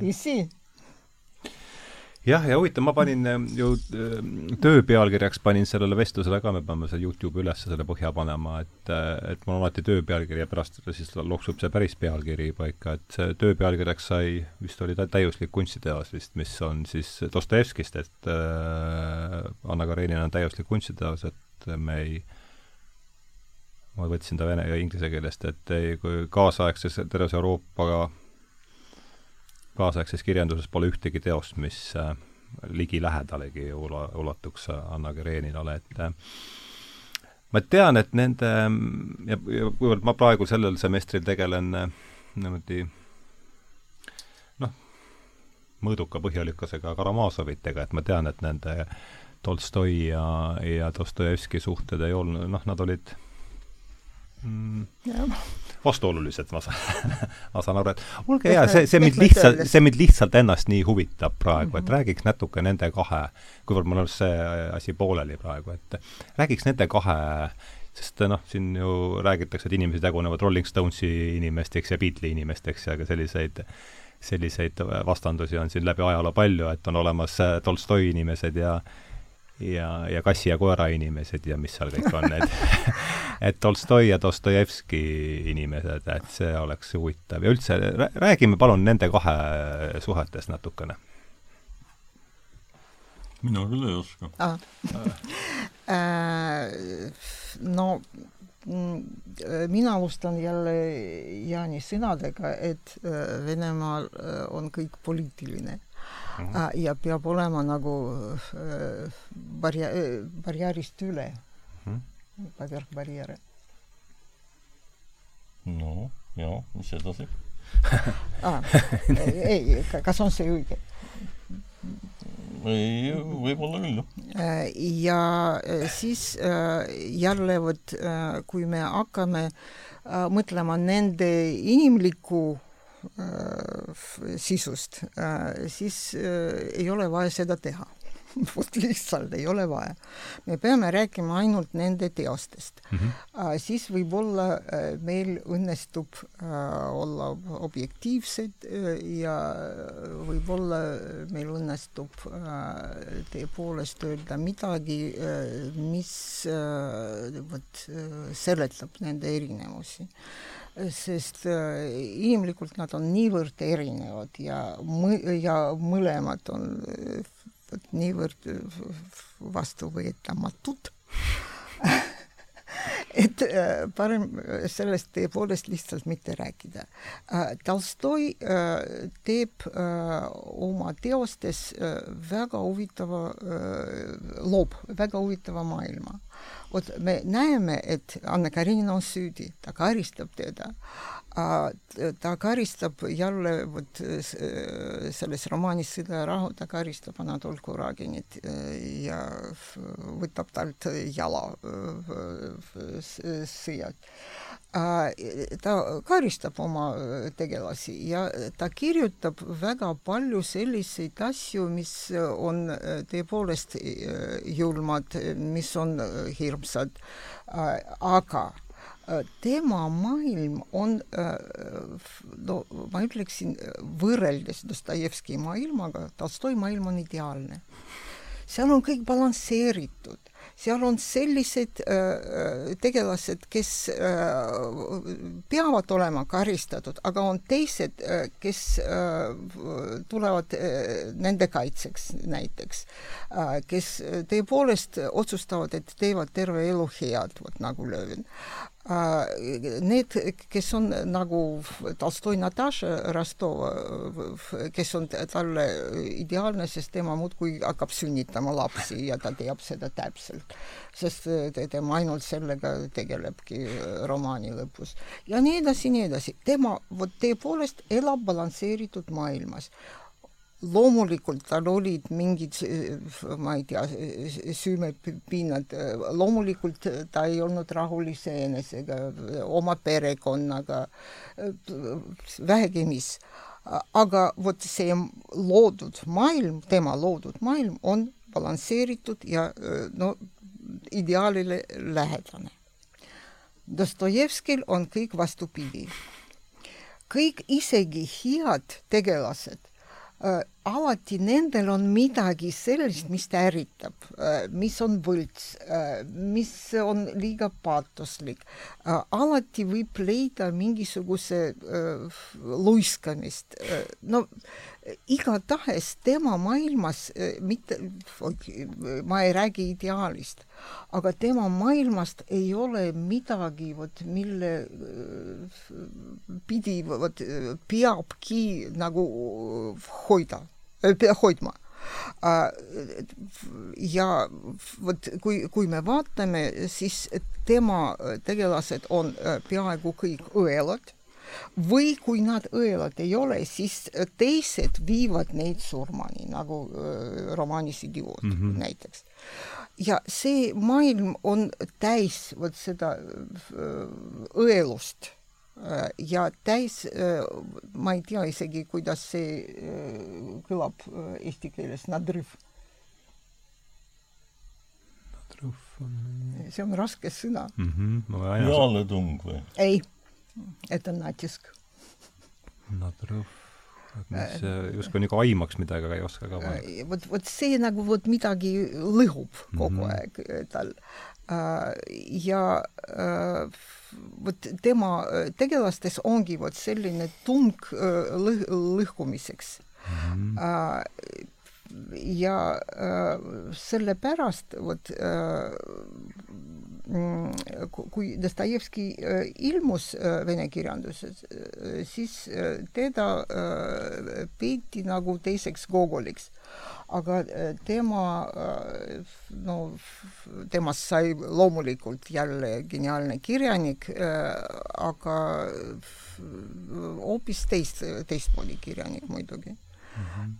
ja äh, jumalale tänu, et seal oli ka kolmas vene kirjanik selles reas, Tšehhov mm, -hmm. kes oli vot nii inimesena kui ka kirjanikuna hoopis teine ja kellest võib rääkida nii kaua, et Tšehhovist oli meil omaette, ma ei mäleta, mis number see oli mm. -hmm aga noh, mis ei tähenda seda, et tema juurde ei tuleks, tuleks peaks ta kindlasti tagasi ei, ma mõtlen selles mõttes, et vot siis, vot siis see on ülimalt haruldane nähtus vene kirjanduses, et Äh, inimene ja kirjanik oleks, oleksid ühes ja samas isikuses vot tasakaalustatud aga hea meelega kuulaks ikkagi, Jaan, sa üritasid natuke kõrvale hiilida vastusest, et anna natukenegi midagigi. mitte just seda Dostojevski ja, ja, ja, ja Tolstoi äh, väike võr-, noh, midagigi, paar lauset, et, et sa, sinu sellist arusaamast no oleks mulle isiklikult väga huvitav. mõjus mulle varem. Eeskätt muidugi idioot. -hmm, just.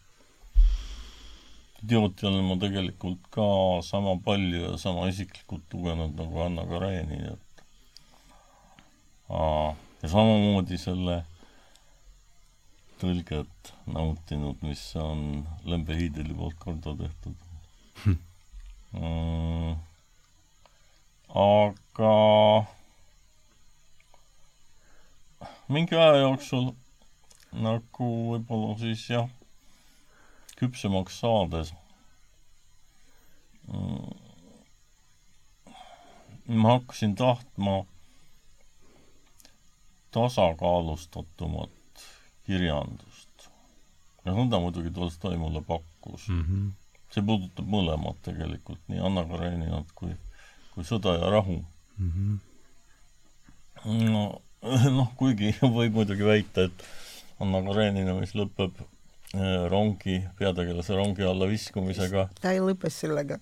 nojah, ei lõpe sellega, aga seal toimub niisugune asi mm, -hmm. et ega see ju ka väga tasakaalustatud ei ole ja muidugi need Anna viimased hetked Mm, kus Tolstoi kirjutab, ma ei hakka praegu seda üles otsima, Tolstoi kirjutab umbes niimoodi, et et need õnnetud koletised, keda ta tänaval äh, äh, näeb, et ei ole, ei olnud mingit kahtlust, et neid lihtsalt pidi vihkama mm. -hmm. et äh, see on jällegi see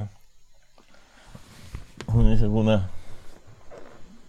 kuidas öelda, karikeeriv, kuigi ma tahaks jälle siia lugeda ühe loo, mis võib-olla väga otseselt ei, ei haaku selle teemaga, aga lugu on sellest siis, kuidas jahil linnukoer Laska, tähendab, Tolstoi antropomorfiseerib seda koera väga, väga otse ja teeb seda väga nauditavalt. See ei ole pikk koht, nii et ma loen selle ka ette, kui tohib. absoluutselt äh,. märganud Laska erilist otsimise laadi, mille puhul ta end täiesti vastu maad surus ja suu veidi paokil suurte sammudega otsa kui Äh, sõudes edasi liikus, taipas Levin, et varitses rohukurvitsaid ning palus, paludes südames Jumalat, et oleks õnne, eriti esimese linnu laskmisel, hakkas ta laska poole jooksma. ei jõudnud äh, koerale päris lähedale, suunas ta äh, oma kasvu kõrgusest pilgu ette ja nägi silmadega seda, mida laska ninaga tundis lohus mätaste vahel paistis rohukurvits. ta kuulatas pea viltu, siis eh, tiibu veidi äh, sirutanud ja need jälle alla lasknud, liputas ta kohmakalt oma takupoolt ja kadus mätta taha. võta, võta, hüüdis Levin ja lükkas Laskat taga. aga ma ei saa ju edasi minna, mõtles Laska. kuhu ma lähen? siis ma ju haistan neid aga kui ma edasi liigun, ei saa ma aru, kus nad on ja kes nad on. Aga Levin tõukas koera põlvega ja pomises ärevalt. võta, laskake, võta. noh, kui ta just tahab, et ma teeksin seda, olgu, ma teen, aga ma ei vastuta nüüd enese eest, mõtles koer ja tormas täie ajuga üle mätaste Mm, see on, eh, ta ei haistnud enam midagi, ta nägi ja kuulis ainult ilma, et ta oleks millestki aru saanud. Kümne sammu kaugusel endisest kohast tõusis üks lind, lind eh, val-, va-, valju korritamisega ja rohukurvitsa häälekate tiivalöökidega lendu. lasu järel langes ta raskelt motsatades laukasse valge rinde ees. teine tõusis õhku Levini selja taga, ilma et ta oleks ootama jäänud, kuni koer teda hirmutab. kui Levin tema poole pöördus, oli asi juba kaugel, aga laeng tabas siiski. lind jõudis vaevalt mm, paarkümmend sammu lennata, kerkis siis otse üles ja kukkus nagu õhku visatud pall, veereldes soo äär, äärde kuivale mai, maapinnale noh, niisugust jahti maksab pidada, mõtles Levin. Huvitav, et see jahitseen on, mul ei olnud see koera, aga ma kuidagi see, ma ütlen, mina lugesin vist no ikka ma kolm-neli aastat tagasi võib-olla, et see jahitseen on kuidagi meeles, et see koera asi, aga see mm. toob kapaga assotsiatsioone siit jah. et see on just noh, kommentaariks kaks sõna, et et siin ei ole mingeid fundamentaalseid filosoofilisi küsimusi siin on soov mõista, kuidas koer käitub, millest ta mõtleb, kusjuures Tolstoi kindlasti ei olnud nii rumal, et ta poleks aru saanud, et see on ju kõik fantaasia. ehk siis tegelikult ju see, mis koera liikuma paneb, see on hoopis, me ei tea seda. aga noh, niisuguse stseeni kirjapanek, see on nii humaanne. jah Anna Karenina oli ka lõpuks fantaasia, kõik, kõik on seal fantaasia ja kujutlusvõime, kujutlusvõime sünn-, sünnitatud või analoog, analoogssignaalil, mitte digitaalsel töötav asi. Ähm, mõtleme, kuidas siit nüüd siis, äh, palju meil on, kas poole tunniga peaksime selle asja nüüd viima kokku? Äh, lihtsalt kui, kui teeks, prooviks lihtsalt ja kui see tee meid ei vii kuhugi, siis tuleme ta juurde tagasi, et kui nüüd mulle meeldis see, mis see, Irina ütles, et sinna, vist Irina ütlesite, et, et on kolm, et jumal tänatud, et on kolmas ka veel, et siis Tolstoi, Dostojevski, Tšehhov, et mm -hmm no oletame, et on olemas sellised mingid arhetüübid või, või, või, või mingid mõttevoolud kultuuris, et, et kui me vaataksime tänase vene kirjanduse peale, et kas me ja, ja võtame selle mudeli alla, et on niisugune kolm kolm, kolm sellist suunda, siis Tolstoi, Dostojevski, Tšehhov, et keda me võiksime, ja, ja loomulikult see on vaid niisugune väga tinglik. väga äärmiselt tinglik ja loomulikult see äärmiselt tinglik, siis, siis äh, no midagi veel äh, võib öelda, et Tšehhov annab äh, siiamaani vene kirjandusele üsna palju, Tšehhov on äh, selline, no praegu äh, selline kuju, mis huvitub inimesi rohkem kui vot need kaks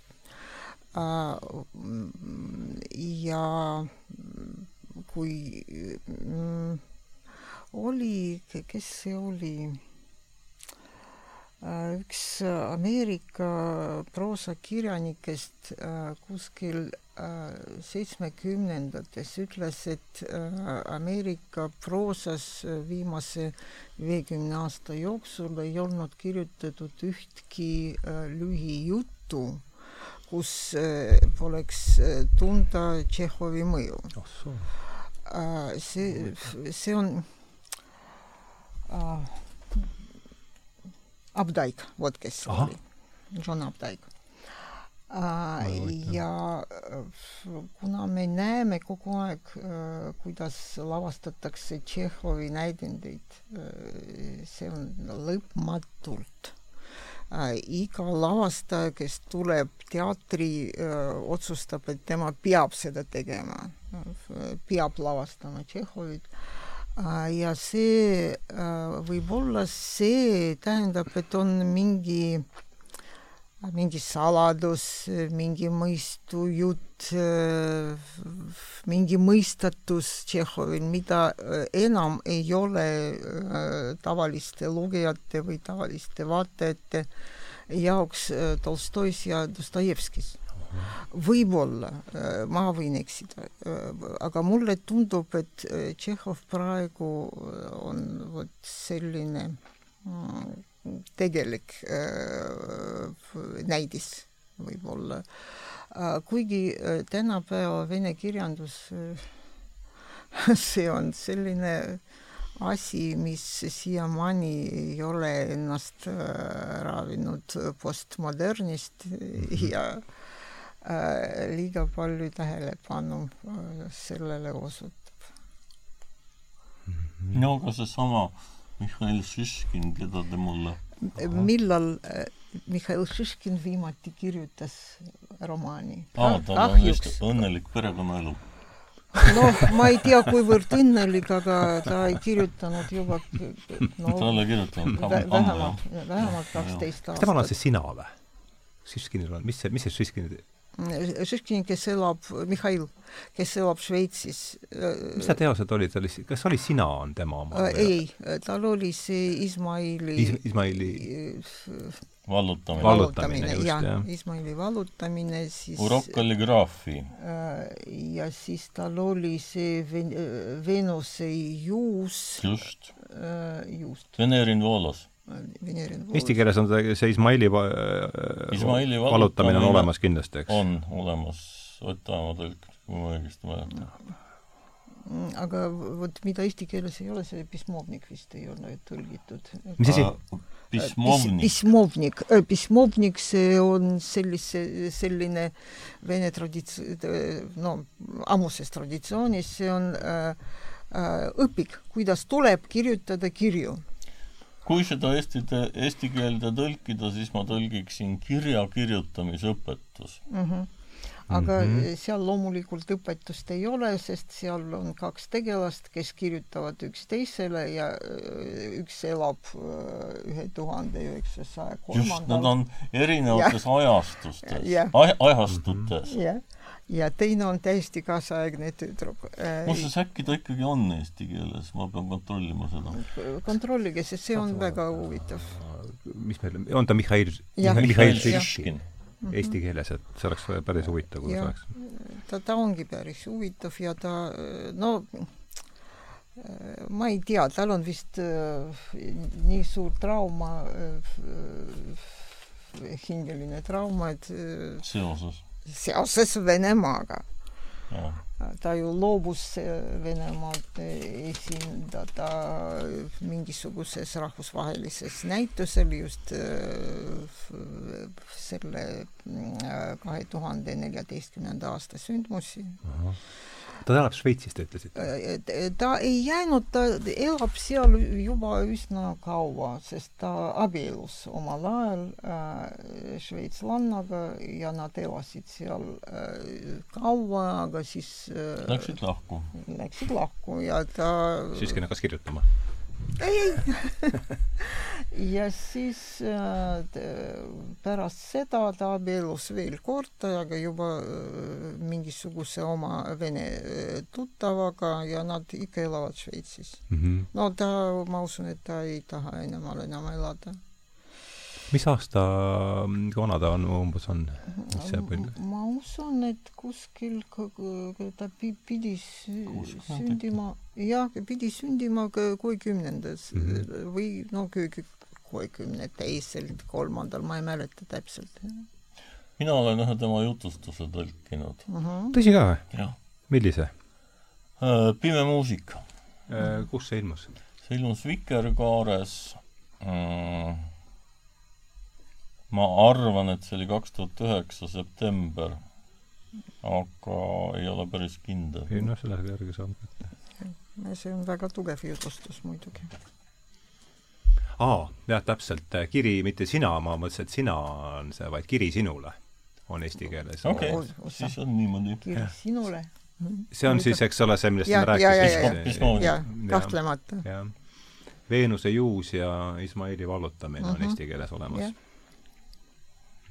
no ta väga hea, et see nimi tuli ette. Äh, ta käis äh, Eestis äh, käis, paar, paar korda ja üks kord Tartus ja üks kord Tallinnas, vot nende raamatufestivalidel külalisena no..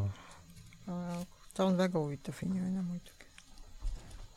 Aga see on huvitav jah, see, ma no, noppisin selle lause üles, et vene, tänapäeva vene kirjandus ei ole postmodernismist äh, välja murnud, et ma saan aru, et Pelevinid ja sellised nähtused läheksid kõik sinna postmodernistlikku või äh, noh, ma siin asjatundmatuna lihtsalt pakun äh,. no ei, no Pelevin äh, jälle lõi nagu oma mingisuguse maailma, äh, mis praegu ei ole enam niivõrd huvitav, sest ta kordub kogu aeg ja liiga palju kirjutab aga ta no postmodernismi, kui, kui need on eh, üksikud mingisugused detail, detailid, eh, siis pole viga, sest no ilma selleta praegu ma usun, lihtsalt ei saa.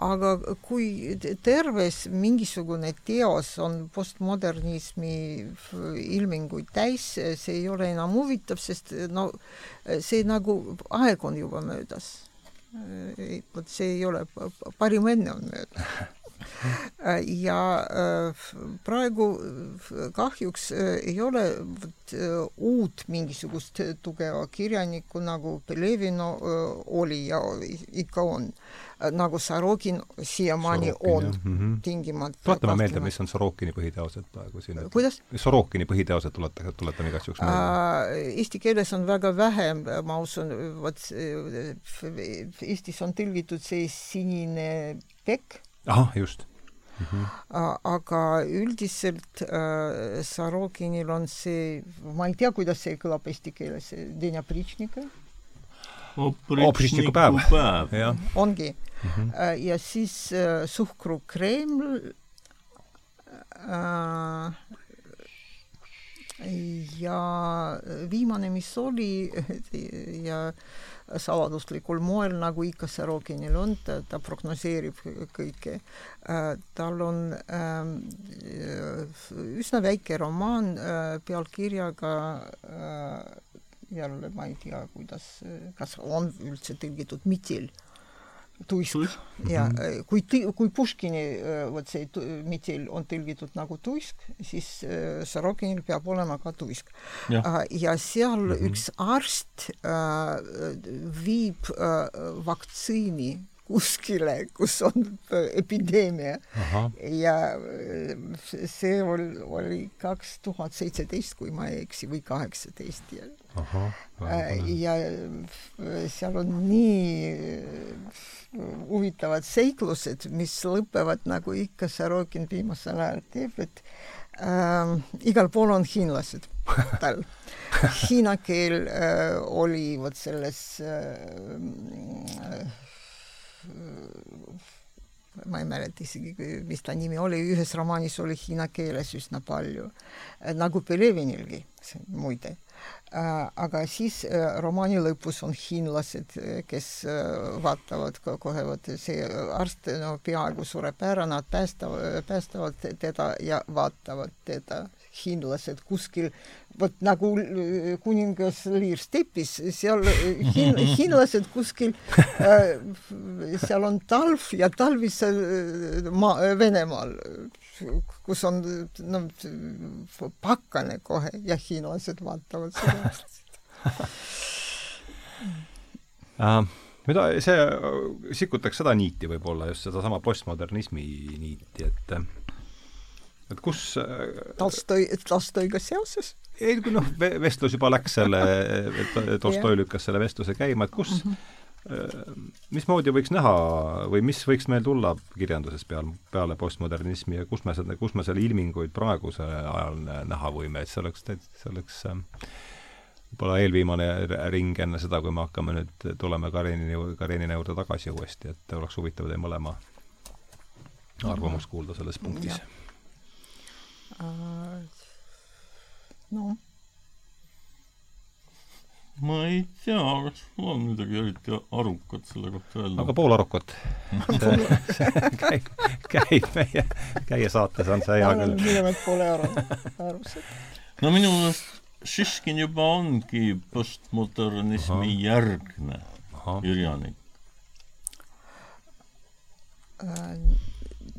nojah, sest äh, vot see Ismaili vallutamises äh, seal olid üsna palju, postmodernismi oli üsna palju, siis äh, näiteks äh, vot paljud kirjani-, vene kirjanikud, vot Šiškini põlvkonnast isegi äh,, nad äh, nagu orienteerusid äh, lugejatele, kes äh, lugesid palju Mm -hmm. ja sellepärast näiteks vot sellel Ismaili vallutamises äh, seal on äh, terve vot äh, osa, mis räägib Lermontovi duellist ja Lermontovi surmast ja kui me pole lugenud mingeid dokumente vot selle Lermontovi surmast, mis on väga tähtis äh, vene kirjandusele ja üldse no -hmm. vene kultuuri inimesele, siis äh, me loomulikult ei saa äh, sellest aru saada nii, nagu see Šiškin eeldab ja ma kardan, et praegune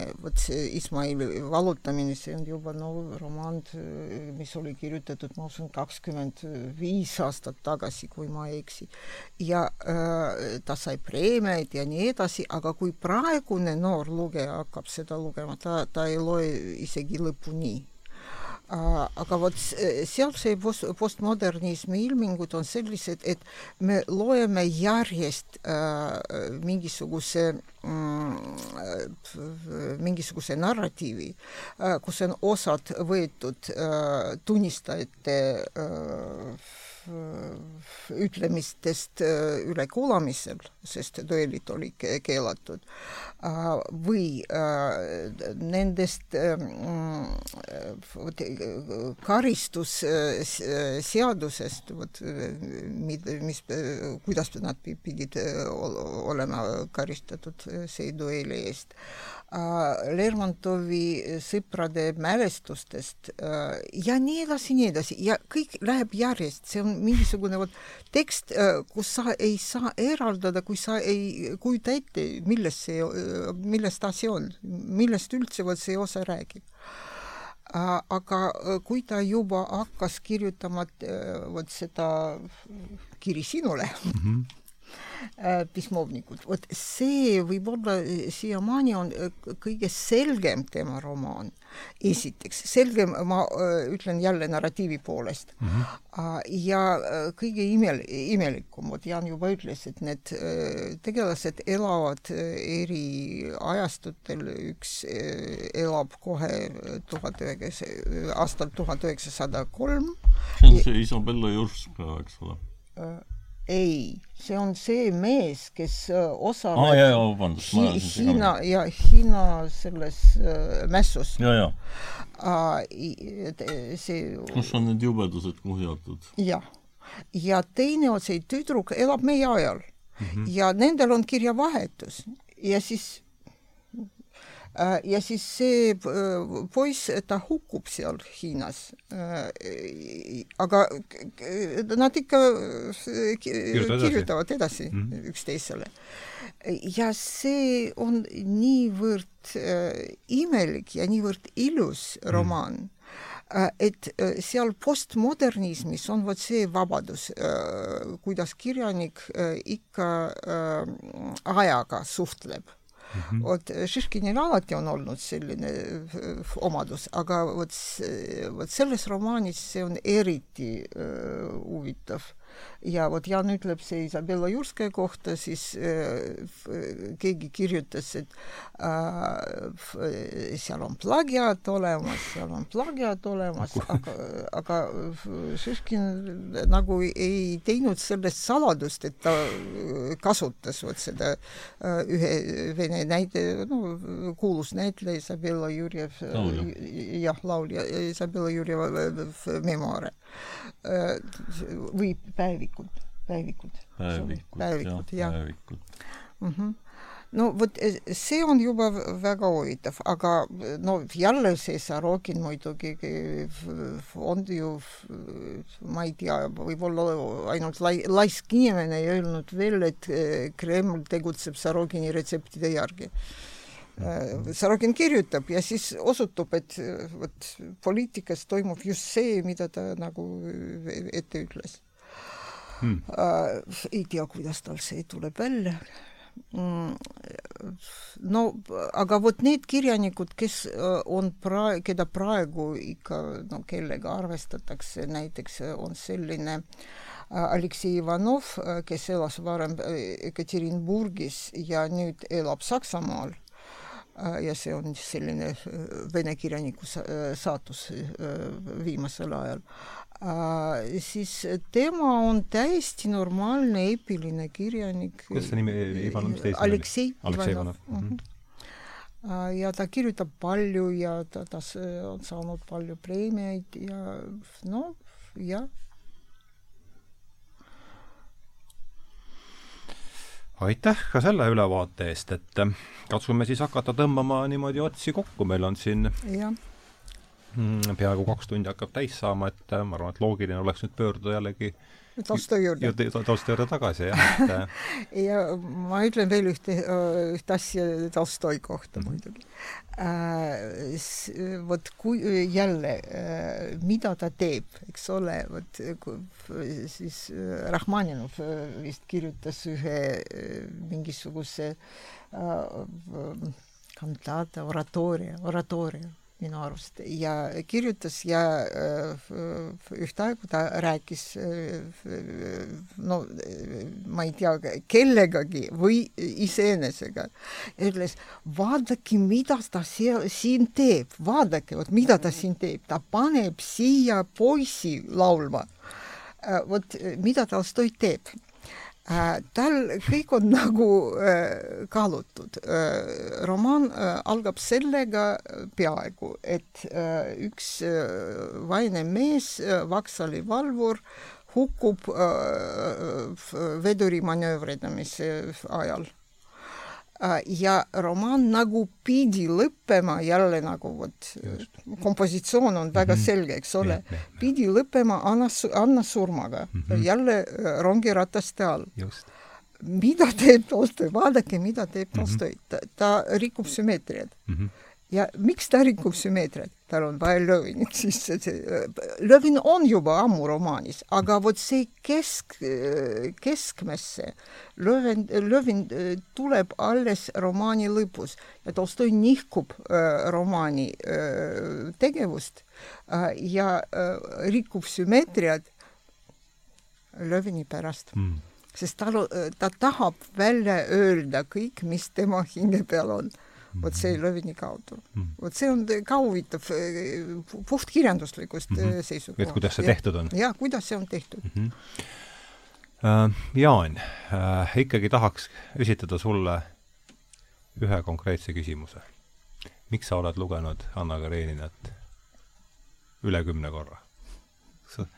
nüüd, kus me oleme kaks tundi vestelnud ja sul on andnud aega sellele mõelda niikuinii veel, et mulle läheb see tekst korda mm, ta rikastab minu elu mm. -hmm. Mm, ma loen tegelikult, mul ma ei ole mingit spetsiaalset küsitlust teinud, aga mm, on tekste, mida ma loen kümneid kordi, näiteks Salinger kunagi nooruses oli mul selline tekst, mida milline, milline Salinger?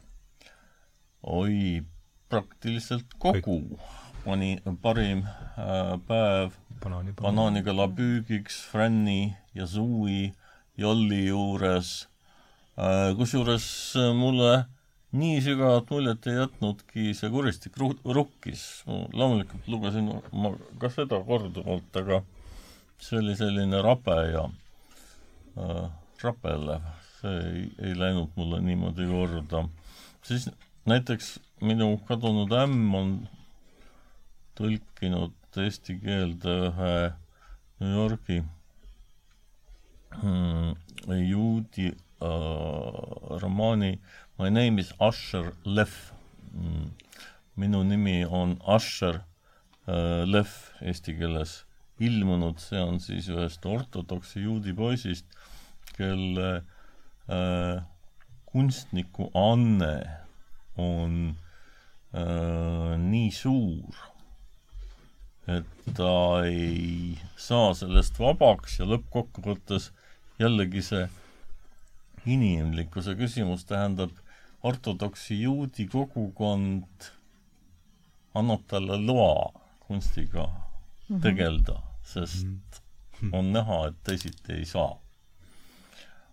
see raamat mulle ka väga meeldib, sellepärast et ta räägib New Yorgist niimoodi, nagu ma olen seda ise kogenud ja ma saan aru nendest, nendest inimsuhetest sealt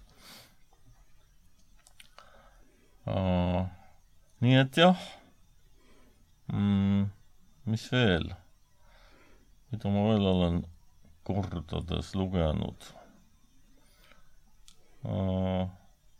noh, las olla praegu, rohkem ei tule meelde aga kas iga kord, äh, kui te loete seda Anna Kareninat, see annab midagi juurde? jaa. näiteks mm? -hmm.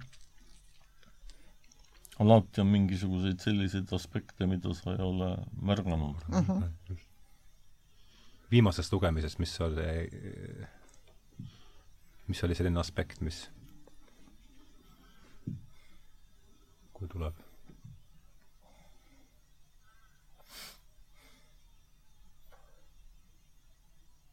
no võib-olla ikkagi see Anna kohtumise stseen oma pojaga mm -hmm. Karenini majas. seal on alati võimalik ette kujutada midagi, mille peale ei ole varem mõelnud. no aga kena, meil on kaks tundi täis saanud ja mm -hmm. kuidagi oleme võtnud sellise hoiaku, et see on umbes piir, mis ei ole ka kivisse raiutud, aga, aga ma väga tänan teid selle vestluse eest, et ma arvasin, et see Samad tuleb, sõnad. tuleb huvitav ja mul oli väga huvitav ja, ja, ja noh, tõesti oli vahva teiega vestelda, et ähm, samad sõnad, mul ka oli huvitav. meil ka teiega. et, et aitäh äh,, Irina Belobrovtseva, aitäh, Jaan Ross, aitäh äh,, Riko Puldis äh,, aitäh kõik, kes on selle sarja teinud võimalikuks ja soovin teile siis äh, kõigile ilusat nädalavahetust ja, ja algavat äh, vaikset äh, nädalat. veel, veel ühte Anna Karenina lugemist. ja, ja veel ja, ja mis oleks äh, vaiksel nädalal parem, kui võtta ette Anna Karenina jah, nii et, nii et aitäh teile kõigile ja, ja lähme siis eluga edasi.